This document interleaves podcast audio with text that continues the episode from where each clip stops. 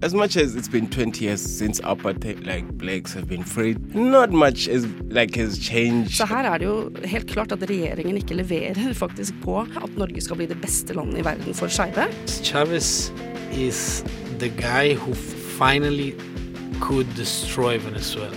Opplysningen hver fredag mellom klokken 10 og 11 på Radio Nova. Jeg er Morten Irgens, og jeg er eh, dekan og utviklingsdirektør på Høgskolen Kristiania. Vi skal bygge et, et nytt universitet, Norges første uavhengige universitet, og vokse fra 10 000 til 20 000 studenter de neste ti årene. Så det, det er jo en utrolig spennende omgivelse. Jeg er også ansatt på Oslo OsloMet. Uh, og er en rådgiver til ledelsen der. Jeg var jo, jobbet jo på Oslo OsloMet fram til for to måneder siden som, uh, som prorektor. Uh, men jeg, i tillegg til det, da så, jeg, så i fjor så startet jeg sammen med to kolleger i Europa et, en organisasjon som heter Confederation of Laboratories of AI Research in Europe, forkortet, forkortet CLAIR. Uh, og den ble startet vi fordi uh, Norge skrev under på en avtale med 24 andre europeiske land om å styrke substansielt forskningen sin og investeringen i, i, forskning og innovasjon på kunstig intelligens. Og to uker senere så kom EU-kommisjonen eh, ut med en uh, foreløpig AI-strategi, kunstig intelligens-strategi, som tilsa at de skulle innen 2020 bruke 1,5-2 milliarder euro i året på kunstig intelligens, på innovasjon og forskning i kunstig intelligens. Og vi tenkte at gud hjelpe meg, det er så mange måter dette kan bli feilbrukt på. Og eh, utfordringen i Europa i dag, ikke sant? Når, når, når kommisjonen skal bruke disse pengene, og når de skal bruke, som vi også har planer om å bruke en, en halv milliard til en milliard euro på en public-private partnership i, i, ja, i, tillegg til dette har de, de, har ingen å snakke med. Hvem skal de snakke med? Det er ingen Amazon, Apple eller eh, Google i Europa, så de har få å snakke med på industrisiden. Og de hadde ingen å snakke med på, på vitenskapssiden. Så vi etablerte Claire for å kunne rett og slett for å kunne være til hjelp for både nasjonale myndigheter og for kommisjonen i å ikke gå i grøfta først skal bruke så mye penger. Så det er jo interessant, for Claire har fått, uh, blitt en veldig stor organisasjon. Vi har jo mer enn sånn 3200 kunstig intelligens-forskere i Europa som har knyttet seg opp. Og vi har knyttet sammen 320 AI-labber og AI-institutter i, uh, i, Europa i et nettverk. Så det er jo antagelig verdens største samling, nettverk av kunstig intelligens-forskere. Og så tok jeg også initiativ til å sitte i styret i det, noe som heter NORA. Og det er uh, Norwegian Consortium of Air Research. Og der, der samler vi, har vi samlet sju sju universiteter og to forskningsinstitutter som arbeider med, med, med kunstig intelligens i Norge, for å kunne bygge opp kunstig intelligensforskning i Norge. Og for at norske regjeringer skal kunne ha noen å snakke med også. Og for å ha noe som vi kan knytte til klær i Europa. Så dette er jo fabelaktig interessant. Og utviklingen er jo eh, eh, altså, Det er ikke bare du finner gull overalt. Eh, Norge har ikke mange kunstig intelligens-forskere. Eh, vi har eh, Oslo Met har sammen med Simla og Simla Met etablert en fabelaktig interessant AI-lab. Og så når jeg begynte her på Kristiania, så finner jeg at en kunstig intelligens-forsker her. men ja, for de som er interessert her, men H-indeks på 41. Altså, hvor mange i, i Europa er det som har det? Det er nesten ingen. Så du finner altså virkelig dyktige forskere innen kunstig intelligens i hver krik og krok i Norge. Og vi er nødt til å løfte dem sammen i et nettverk og kunne bidra til at de får de ressursene de trenger. Så det er, det er deler av det jeg holder Så i forhold til da intelligente systemer um, Hvor du da sånn jeg har forstått det, da, altså sånn jeg har hørt det blitt forklart, er at du kan ha maskinlæring hvor en maskin får inn si 1000 bilder av et eller annet. Mm. Eller millionbilder, da, for å si det sånn. Mm. Og da ser den på dette bildet, eller disse bildene av denne gjenstanden, si det er et dyr eller et menneske eller Mm. en situasjon som den skal tolke. Um, I hvilken grad kan vi da si at det er intelligens eh, heller enn at det er eh, bare en datamaskin som har sett noe og kjenner igjen, og dermed er det intelligens, på en måte, eller hva? Ja, spørsmålet er jo hva er intelligens? Uh, altså skal vi spørre om hva Vi stiller spørsmål om hva er kunstig intelligens, så må vi først svare på spørsmål om hva intelligens er. Mm. Og, og søren, men det har vi jo ikke svart på. Så eh, jeg tror at disse, disse systemene de, Det vi sier da om kunstig intelligens, er at når et system gjør noe vi i dag anser som eh, at krever menneskelige egenskaper, og spesielt menneskelig intelligens, så er det kunstig intelligens. Uh, når det gjelder det du sa om uh, å trene opp systemer uh, i store datamengder, det er ren mønstergjenkjenning. Så man gjenkjenner et mønster ved å vise f.eks. mange mange ansikter til, til, et system, så vil systemet etter hvert begynne å gjenkjenne ansikter. Og man kan vise til at det er Per og det er Pål osv. Og, så etter, og ved å trene systemet så vil det gjenkjenne Per og Pål. Men det er bare ren mønstergjenkjenning. Det er ikke noe magisk i det i det hele tatt. Eh, og så eh, Og da, da, tror jeg jeg vil legge til at uh, mennesker um, de, de, de, er ikke intelligente eller smarte eller er mennesker, hvis du vil, i, i, ved å bare lære. Uh, og maskiner er ikke kunstig intelligente bare ved å lære. Så kunstig intelligens er et stort fagområde, og det inneholder veldig mye arbeid innen, innen resonnering. Så i tillegg til å lære, så må du også kunne resonnere over det du har lært. Uh, og uh, så rene maskinlæringssystemer er jo også nokså som begrensede. det og jeg jeg syns det er et viktig poeng, for i dag så, så, så mikser man dette litt opp. da. Og selv så er jeg bakgrunnen min ligger jo i, i resonnering og deduksjon, og, og, og, vår evne til å trekke konklusjoner fra, fra, fra, forutsetninger og fra læring. Og så kan jeg legge til her, når vi først snakker om maskinlæring, uh, at maskinlæring i dag det er en del snakk om at systemer som vi har introdusert, har ja, bias på engelsk, bias, eller forutinntatthet på norsk. Og det er f.eks. så hvis du trener opp ansiktsgjenkjenning bare på sørøstasiatiske bilder eller mennesker, så vil ikke det systemet fungere i, uh, i Norge.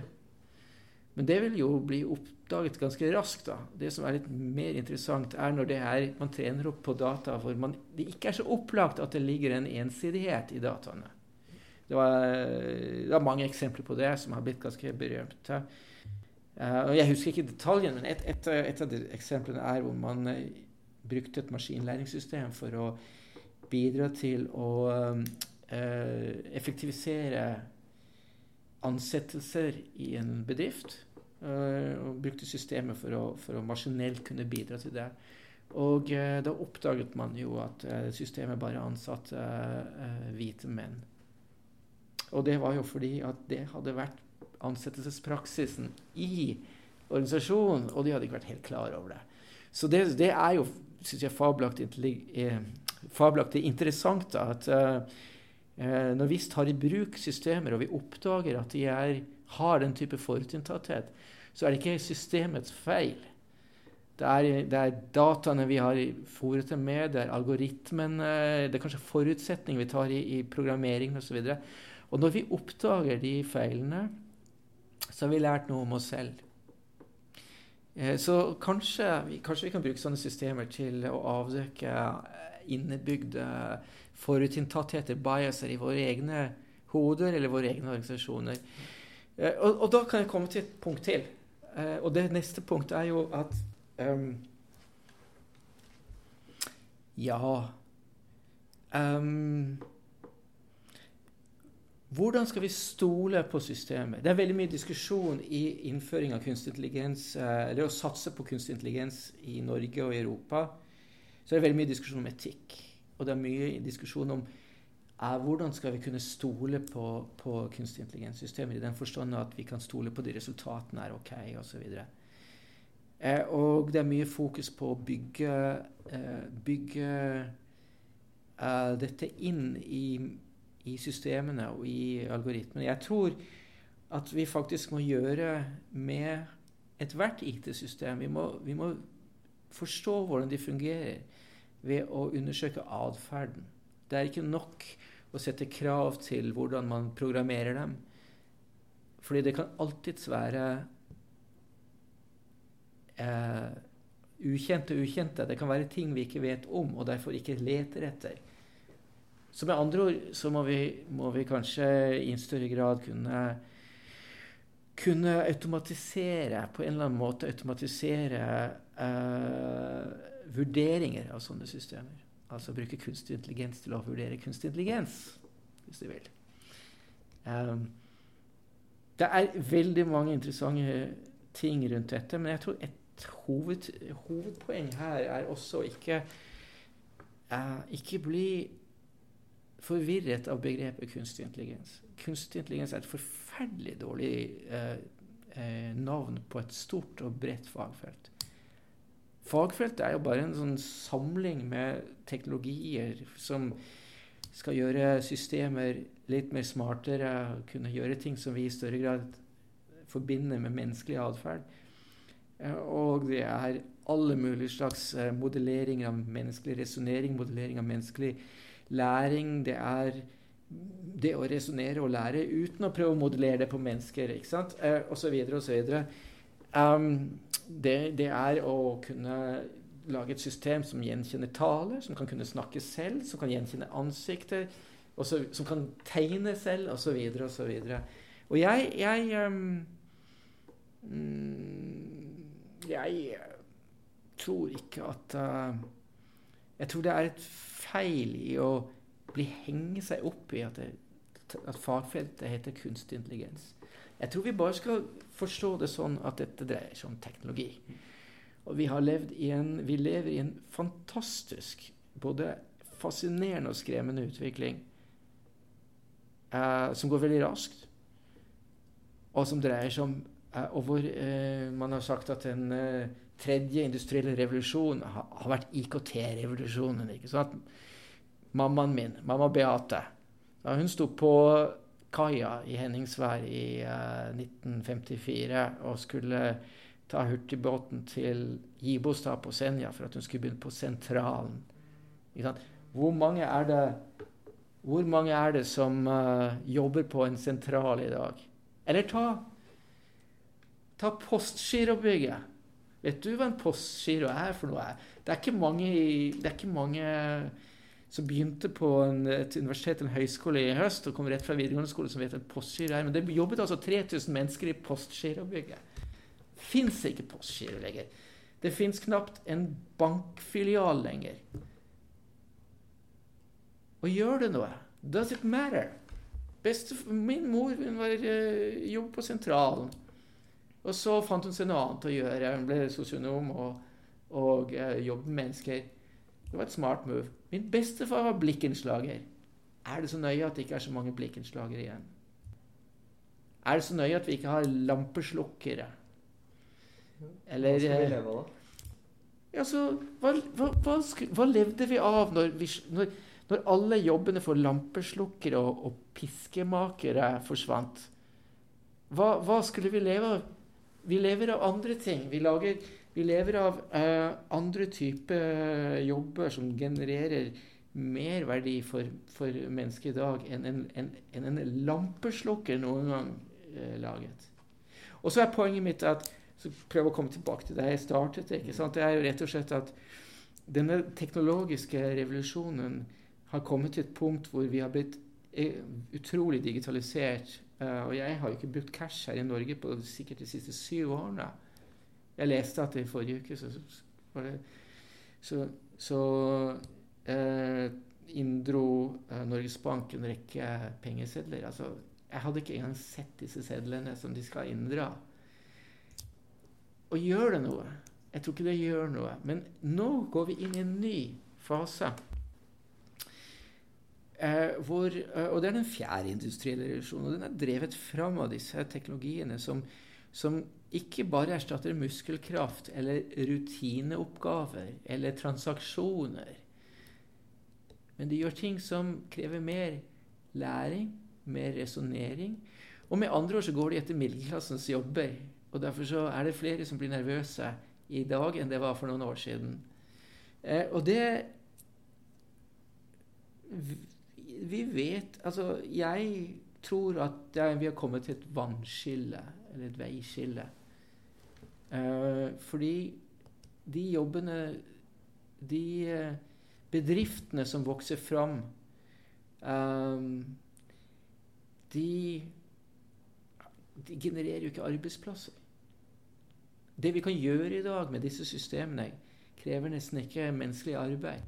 Um, for, uh, ja, for, for i 2006 så var liksom bare én av ti uh, av de største amerikanske bedriftene et typisk teknologibedrift. Resten var oljeselskaper osv. I dag er nesten alle rene teknologibedrifter. Men de genererer jo nesten ikke ansatte. Amazon, hvor mange jobber der? Hvor mange jobber i Facebook? Facebook er et av verdens mest verdifulle selskaper. Nesten ingen som jobber der. Så vi, vi går inn i en ny fase, tenker jeg, hvor, uh, hvor vi, vi, kommer til å få litt utfordringer i forhold til uh, hvordan vi skal organisere samfunnet framover. For vi trenger færre og færre mennesker for å gjøre ganske mange av de oppgavene vi gjør i dag. Men da, som du nevner, så er det færre og færre mennesker som jobber med denne teknologien. Eller ikke færre og færre som jobber med teknologien, men det er få som sitter og jobber med slik teknologi. Og så nevner du også dette med eh, forutinntatthet innenfor teknologien. Ja. Kan du ikke da se for deg at det er store problemer med at det er få som sitter og programmerer og lager disse systemene, og at, de da utset, at resten av oss måte utsettes for de systemene, og da deres forutinntatthet, at det påvirker oss i ja. en viss retning? Ja, du, vet du hva, det er et veldig viktig poeng, fordi um, Ja. I, um, på, i, i, i, sommer så var det en konferanse uh, Altså den verdens største kunstig intelligenskonferanse. heter The International Joint Conference on Artificial Intelligence. Både i sommer og i fjor sommer uh, I fjor sommer var den i Stockholm. Så, så var uh, altså det er flere, mange tusen deltakere. Og så antar de omtrent 800-900 papere da. Og eh, 20% av paperne var fra Europa. 20 fra Nord-Amerika.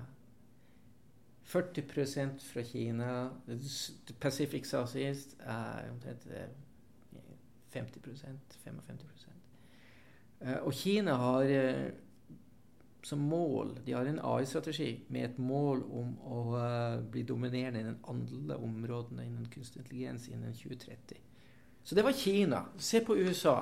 USA For to år siden så var det privat investering i, i AI-bedrifter og AI-produkter tilsvarende omtrent 18 milliarder dollar. Den tilsvarende uh, investeringen i Europa var mellom 2 og 3 milliarder. Så det er 56 ganger så mye investering i innovasjon i kunstig intelligens i, i USA som i Europa. Så vi har altså uh, Så Europa må stille seg spørsmålet Hva gjør vi?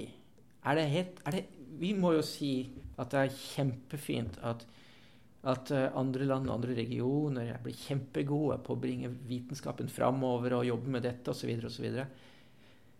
Men teknologi definerer oss som mennesker teknologi av de produktene vi bruker, den teknologien vi bruker, det er det som bestemmer egentlig hva vi diskuterer over middagsbordet, eh, hvem det er vi, vi går og tar en øl med, og hva vi snakker med da, hvem vi stemmer på, uh, hvordan vi tenker om virkeligheten, om livet og om universet.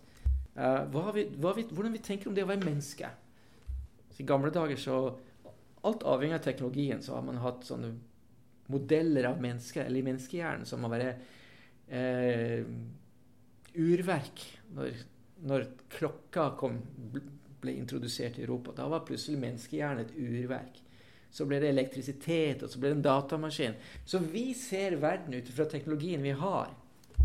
Og vi organiserer arbeidslivet vårt ut ifra teknologien vi har.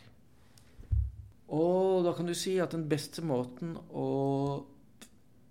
å liksom kontrollere framtida på, og påvirke den framtiden vi skal leve på, er å skape den selv. Og det spørsmålet vi må stille, er om Europa og Norge da overlater til andre å definere den framtiden vi skal leve i.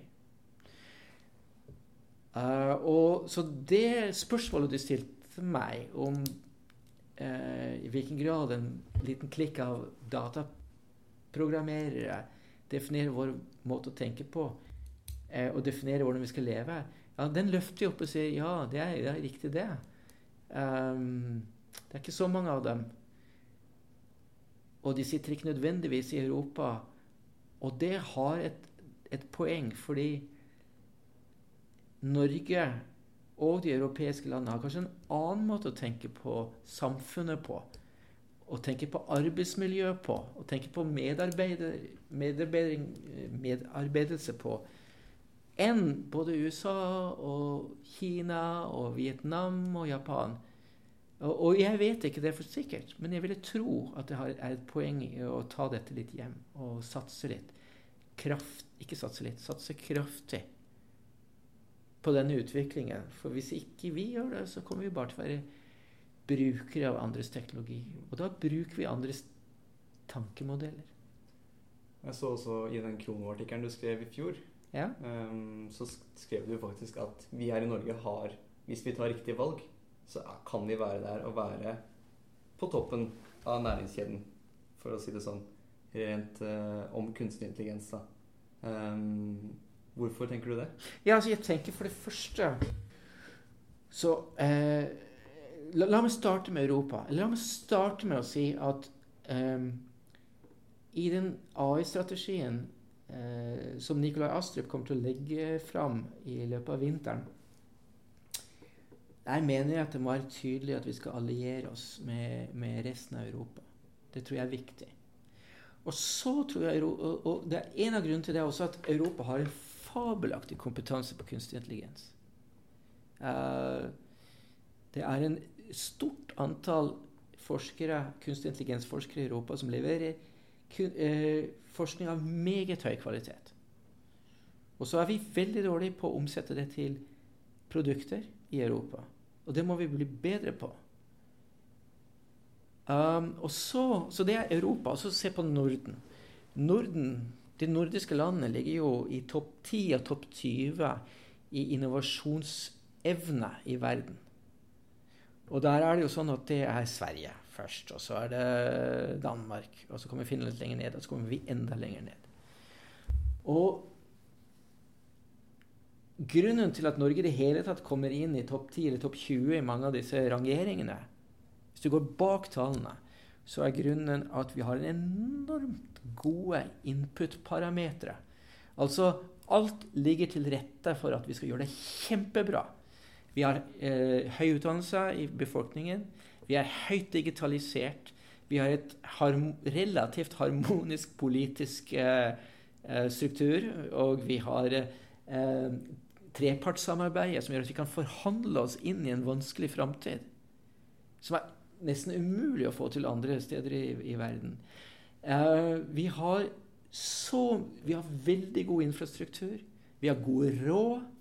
Vi har alt som man kunne tenke seg vi skal trenge for å kunne levere kjempebra. Og så, så jeg sier alle input-parametrene, innsatsfaktorene, er jo kjempegode. Og så kommer den lite ut. Kommer veldig lite ut. Men det er jo å være i en bedre situasjon enn en, en, en et land som ikke har disse innsatsfaktorene på plass. Det er jo mye vanskeligere å bygge dem opp enn det er for oss å finne ut hvor, hvor rusket er i maskineriet, og gjøre noe med det. Så Norge og, øh, må i større grad orientere seg mot våre nordiske naboer. Vi må i større grad eh, orientere oss mot Europa. Og vi må i større grad styrke teknologi- og innovasjonskompetansen i Norge. Og vi må øke eh, IKT, informatikkutdannelsen. vi må ha flere studenter som jobber med dette. Og som jobber med dette ikke bare inn mot eh, eh, ikke bare inn mot det å få en grad, men inn mot eh, arbeidslivet, i samarbeid med arbeidslivet. Så vi har så gode forutsetninger at hvis vi ikke ligger høyt oppe, så er det egentlig vår egen feil. Da er det egentlig Det er et feil. problem vi har. Ja. Og, men da ser du for deg at dette er den neste norske økonomien, da? IKT-økonomien? Altså um, um, De studentene som begynte på universitetene og høyskolen i høst, de er, eh, og som kom rett fra videregående skole, de er født i Y2K. De er født i år 2000. Det er samme året som Agent Smith var uh, the bad guy i Matrix-filmene, eller den første Matrix-filmen. De skal eh, pensjonere seg i 2070. Ja. Ok, eh, De nåværende oljereservene tilsier at vi avrunder en oljeeventyret vårt i 2050. Så de studentene skal jobbe i 20 år til etter at det er avrunda. Og egentlig burde vi hatt avrunda den oljeeventyret før den tid, av andre grunner. Vi skal i de neste årene gjennom en transformasjon av økonomien vår. Den norske økonomien er en sofistikert teknologisk økonomi, men den er råvarebasert. Den er drevet fram av behovene i, i råvaresektoren i stor grad. Um, så vi mangler, vi mangler det innovasjonsøkosystemet som uh, er klarer å knytte sammen offentlig, næringsliv, universiteter, entreprenører og investorer. Så i disse neste årene altså vi trenger, vi trenger ikke vente til 2050 med å begynne å jobbe med dette. I disse neste årene så må, bør vi se en sterkere transformasjon til en teknologisk drevet, digitalt drevet eh, global kunnskapsøkonomi. Og Der skal vi konkurrere inn i denne. Og vi har veldig mye på plass. Men det er noe sånn i maskineriet. Og nok en gang, vi begynte å snakke om kunstig intelligens. Kunstig intelligens har blitt en sånn en driver for mye av denne tenkingen. Men det, kunstig intelligens er bare et, et, et, eh, symptom. All den diskusjonen vi har rundt kunstig intelligens Vi kunne fjernet den diskusjonen og snakket om teknologi, eller vi kunne snakket om IKT, eller vi kunne snakket om kunnskapsøkonomien, og vi hadde fått akkurat samme diskusjon. Og så er det greit å bruke kunstig intelligens som en som en um, Surrogat. Som et surro... Ja, riktig. For det også engasjerer folk. For at eh, vi får, eh, vi, får, um, vi får en del andre diskusjoner på etikk på, som blir drevet fram av navnet på områder. Um, jeg jeg, jeg syns jo Ja. Ja, jeg syns dette, eh, dette er både fabelaktig og viktig, men jeg mener at en, en, eh, den, den AI-strategien som, eh, som digitaliseringsministeren vil legge fram, bør virkelig se kunstig intelligens ikke som en isolert men som en, som en del av en, et, et sånn sterkt teknologiøkosystem. Og teknologi, med det mener jeg altså, vi, Du kan ikke skille teknologi fra dagens samfunn i dag. Vi, vi lever i det. det. Det er Teknologi blir usynlig. Den forsvinner inn i veggene.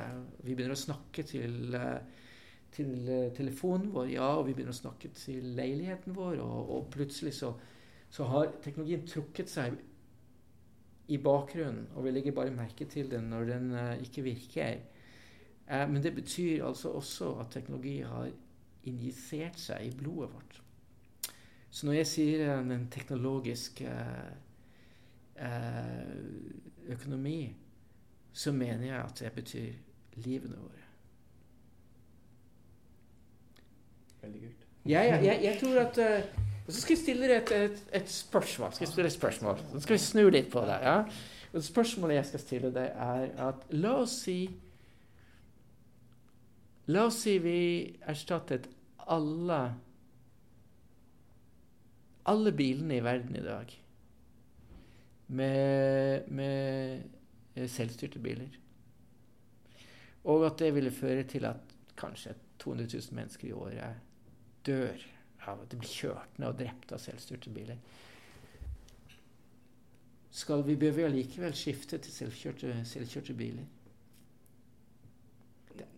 Strengt tatt så dør vel flere av selvkjørte biler. There you go. Det var det smarte svaret jeg, jeg var på jakt etter. Fordi ikke av selvkjørte, men av Menneskekjørte, ja, yes. det, det dør omtrent 1,2 millioner mennesker i trafikken i året. I Norge. Nei, i- i verden. i verden. Og uh, eh, hvis, uh, hvis vi klarer å redde én million av dem, så har vi gjort noe bra. Greia her er at eh, Poenget med det jeg sier, er følgende Et sy- system Hva skal til før vi aksepterer å sette i bruk et system? Må det være perfekt? Nei, det må ikke være perfekt. Må det være like godt som et menneske? Ja, da har vi ikke satt eh, lista veldig høyt. Men eh, allikevel, det må ikke være perfekt. Eh, vi kan få gjort veldig mye veldig spennende med systemer som bare fungerer så, sånn noenlunde. Og så noenlunde er ofte bedre enn eh, et menneske. Fordi vi mennesker blir trøtte, vi, blodsukkeret blir lavt. Uh, vi gjør uh, beslutninger som ikke er konsistente. Og vi er fulle av bias, og forutinntatthet, og det kan være vanskeligere å rote eller få det ut av oss enn av et AI-system, eller et teknologisk system. Så, hvor, så når jeg sier det må ikke være perfekt, så bør det heller ikke, må det heller ikke være kunstig intelligens i den vide forstand vi forstår det. Mm, vi starta med å nevne litt sånn om sånne selvstyrte droner og den type ting. Uh, og jeg vet jo at jeg, ifølge den, den lille forskningen jeg har på foran forskning research, uh, så er det jo operasjonelle droner, eller iallfall selvstyrte farkomster, militærfarkomster, som faktisk kan utføre oppdrag nå. Eh, hva, du nevnte at dette er noe du er imot. Hvorfor, hvorfor det? Ja, det er et forferdelig vanskelig område. All teknologi eh, har jo Kan brukes både til det gode og det vonde. Um, kniv vi skjærer brød, og vi tar livet av hverandre. Um, men det er et vanskelig område vi går inn i når vi har mer og mer automatiske, autonome systemer i, uh, i Forsvaret, i det militære, i konflikter. Um, jeg er ikke noe imot autonome systemer i seg selv. Og jeg er ikke imot autonome systemer i, for, i, i militært bruk eller i Forsvaret. Altså det, det er en, helt naturlig at man har kanskje mer autonome systemer Def, um, defensive, hva heter det på norsk? Sånn, uh, fors, ja, ja. Systemer, ja. Forsvarssystemer. Ja, sånn Det kan være uh, men, men, men det er jo lite i veien for at Med, med den utviklingen vi ser, da, så kan, har, vi, har vi farkoster i dag som kan gå i ukevis uten noen mennesker om bord, og uten fjernkontroll. De kan kjøre seg selv rundt i havet og gjøre ut, ulike oppdrag. Og, og, og, og det er et sånt, en, en sånn farkost i den amerikanske marine. Og de har ikke satt våpen på den farkosten ennå, men det er jo veldig enkelt å gjøre. Um, flyvende droner, uh, der sitter man i langt, langt unna og uh, styrer dem via satellitter, men det er menneskelige operatører. Og det, er, det tar ikke så lang tid igjen sånn rent uh, teknologisk før for, for, disse dronene ikke trenger noe remote eh, støtte. Og da er spørsmålet skal en flyvende drone selv kunne bestemme når den skal fyre av sitt våpen. Og mot hvem? Og der går det nok en, går det en, en alvorlig rød tråd, altså. Um, jeg uh, tok initiativ til i, i, vår tok initiativ til en, um, en, et opprop blant forskere i Norge, forskere og teknologer, som heter 'Lytt til oss'. Og det oppropet sier rett og slett at vi ber om at den norske regjeringen arbeider for en internasjonal avklaring om utviklingen av dette og forbud mot at uh, for um, dødelige autonome våpen. Uh, det bør alltid være mens et menneske som tar sånne avgjørelser. Jeg kan stille deg på et annet spørsmål. Det, det, det, det, er mange, mange, mange problematiske sider med dette. Eh, F.eks. så senker det terskelen for å gå inn i konflikter når du ikke Altså, Vietnamkrigen kom til en slutt fordi det kom så mange kister hjem til USA. Hvis ikke hadde kommet kister hjem, hvis det bare var snakk om å bruke penger på teknologi, så hadde vi altså, Da hadde verdenshistorien sett annerledes ut. Um, men den utviklingen ser vi allerede med å ha remote, eh, fjernkontrollerte systemer. Eh, det at et system, et maskin, skal kunne ta livet av noe Ja, det må vi virkelig tenke, tenke mye igjennom. Det er vel sånn at hvis jeg spør deg uh, Hvis vi var i konflikt, skal vi sende soldater, eller skal vi sende våre roboter? Og da vil vi svare at vi foretrekker å sende robotene våre. Men hvis jeg stilte spørsmålet hvis vi er i konflikt, og fienden vår velger å sende roboter istedenfor soldater, hva er svaret ditt da? Soldater. Ja, og det er ikke fordi at maskinen er mer effektive nødvendigvis. Det er noe uhyrlig ved det.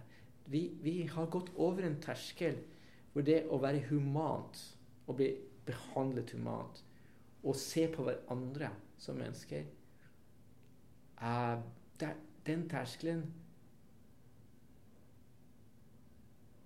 Altså, må, vi må aldri slutte å behandle hverandre som mennesker. Selv i krig, selv i konflikter. Og der tror jeg det går en etisk og også praktisk og pragmatisk linje. Uh, så det er jo et eksempel på at kunstig intelligens, som all annen teknologi, kan brukes like mye til det onde som det gode. Apropos om kunstig intelligens. Innom, du nevnte også før vi startet her, så nevnte du super AI, dette singularitetsbegrepet, ja. om en slags sånn uh, fjern drøm, slik du nevnte om The Matrix f.eks., der ja. teknologien overtar alt, og mennesket Hva er mennesket lenger nå? Hva, at, vi blir, at vi blir den underdadige i forholdet. Ja. Uh, og så vidt jeg skjønner, da, så drar dere fagfelt, innenfor fagfeltet en distinksjon mellom intelligens og bevissthet, og det gjør jo vi for så vidt òg, ja. eh, vanlige mennesker. Um, ja, intelligens er atferd. Ikke sant, atferd, Men mot bevissthet Ser du noen gang for deg at en, eh, en AI blir bevisst? Eller en, datamaskin og en datamaskin blir bevisst? Nei, jeg ser ikke det. Nei, altså, hør nå her. Hvis du spør meg kan maskiner tenke, så vil jeg si ja, for jeg er en maskin. Jeg er en biologisk maskin. Ikke sant? Det er jeg i, i, i mine øyne. Og, og, min selvbevissthet er en, en eh, sidefunksjon av en massiv parallellisme i hjernen min. Og den parallellismen den ser jeg ikke for meg at vi kan klare å gjenskape i silikon. Så kan det hende at vi klarer å skape kunstig selvbevissthet biologisk ved at vi mekker med DNA og alt mulig sånt og lager kun, noe som er kunstig mer intelligent enn oss, men ikke er bygget på silikon. Altså våtvare. Ja, det kan godt hende at vi får til. Men selvbevissthet på silikon aldri i verden. Og, så, eh, og derfor så, da kom vi til eh, mye om diskusjoner og frykten for kunstig intelligens. Altså den, den, frykten den kan vi bare legge fra oss. Ja, diskus, altså det, diskusjonen om singulariteten er følgende. Eh, du har noe som heter generell AI. ikke sant? Eh, og så har du noe som heter eh, smal AI. AI, kunstig intelligens, artificial intelligence. Ja. Eh, og så har du super-AI. Og smal AI, smal, smal kunstig intelligens, det er f.eks. Siri, ikke sant, som kan forstå hva jeg sier. Eh, det er jo fabelaktig. Vi hadde jo aldri trodd det, vi skulle komme dit. Det, det, og, og, der, og, nå kan jeg altså snakke med, med, mobiltelefonen min. Men jeg kan ikke få Siri til å gjøre andre ting. Så Siri har ikke den eh, generelle intelligensen som vi har, som gjør at Altså, du kan gå inn i et annet rom etter å ha snakket med meg og forstått meg, og så kan du gjøre noe annet. Du kan spille en gitar, du kan løse et, en oppgave osv. Og, så og det å gå fra utfordring til utfordring har en sånn generell intelligens. Det er det som heter generell kunstig intelligens. Der er vi ikke. Eh, det å overføre kunnskap fra et område til et annet. Og jeg tror ikke vi kommer dit noensinne. Eh, og, og selv om vi kom dit, så vil ikke det ha noe med selvbevissthet å gjøre. Det har bare noe med å utføre oppgaver å gjøre.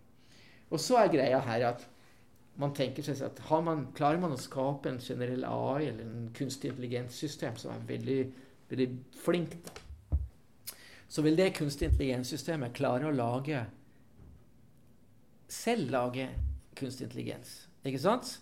Og, og vil kunne klare å gjøre det bedre enn oss. For det, antagelig har vi laget en kunstig intelligens som er ja, flinkere til mye enn det vi er, og spesielt flinkere til formalismer og sånt. Altså, de kan lage et bedre system selv. Og den bedre systemet kan lage en som er bedre enn seg selv. Og så får du en sånn uh, runaway uh, kunstig intelligensutvikling.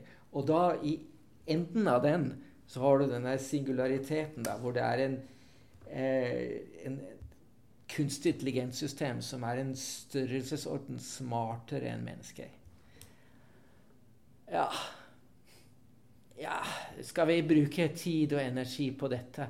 Det er så, Hvis det er noe sted i den menneskelige framtiden, så er det så langt unna at det er ikke noe å diskutere nå.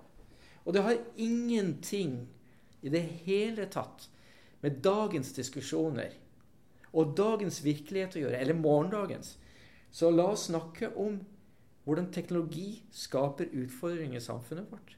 Hvordan teknologi skaper både etiske utfordringer, moralske utfordringer, arbeidsplassutfordringer. Ditten og datten. Men la oss ikke ligge våken om natten og være redd for super-AI. Altså, det er bare vås. Der holder vi oss langt unna. Det er bare bortkastet energi. Og eh, så kan man sikkert skrive mange papere på det. Og det er litt kult da å skrive filosofiske papere som tar utgangspunkt i den tankerekken, der kan man spinne mye. Men la oss ikke bruke så veldig mye energi på å bygge det inn i noe F.eks. inn i noe AI-strategi for Norge. For Guds skyld, la oss holde oss unna det. Det er bare bortkastet energi. Science fiction. Ja. Ja, nei, altså, hør her. Science fiction, det, der er det mye bra. ikke sant? Det er, altså, det er eh, veldig mye av det vi, den teknologiomgivelsen vi lever av i dag, var ren science fiction for ti år siden.